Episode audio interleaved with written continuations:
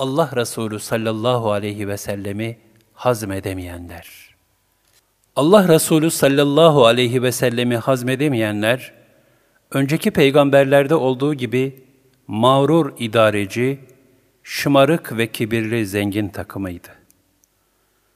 Allah Teala buyurur, Biz hangi ülkeye bir uyarıcı göndermişsek, mutlaka oranın varlıklı ve şımarık kişileri, biz sizin bize tebliğ ettiğiniz şeyleri reddediyoruz, inkar ediyoruz dediler. Ve biz malca ve evlatça daha çoğuz, biz azaba uğratılacak değiliz dediler. Sebe 34-35 Resulüm, alabildiğine yemin eden, aşağılık, daima kusur arayıp kınayan, durmadan laf götürüp getiren, iyiliği hep engelleyen mütecaviz, günaha dadanmış, kaba ve haşin, bütün bunlardan sonra bir de soysuzlukla damgalanmış kimselerden hiçbirine mal ve oğulları vardır diye boyun eğme. Onların her biri kendisine ayetlerimiz okunduğu zaman öncekilerin masalları der. El-Kalem 10-15 Nitekim hakkında Tebbet suresi nazil olan Ebu Leheb, beni başkalarıyla eşit tutan din olmaz olsun diyordu.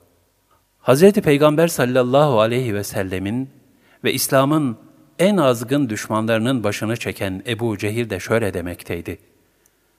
Muhammed'in söylediklerinin doğru olduğunu biliyoruz.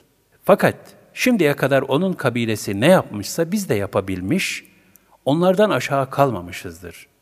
Şimdi ise onlar içimizde bir peygamber var diye iftihar ediyorlar. Biz aramızdan nasıl onun gibi bir peygamber çıkarabiliriz? Bu mümkün değil. O halde ben asla Muhammed'in peygamberliğini kabul edemem. Böyle diyen Ebu Cehil, azgınlık ve düşmanlığından bir defasında da şöyle dedi. Eğer ben onu namaz kılarken görürsem tepesine basacağım.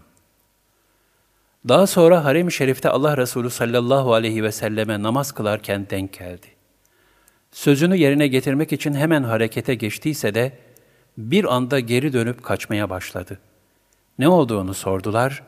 Telaş ve korku içinde onunla arama acayip bir ateş yığına girdi. Benim üstüme üstüme gelmeye başladı dedi.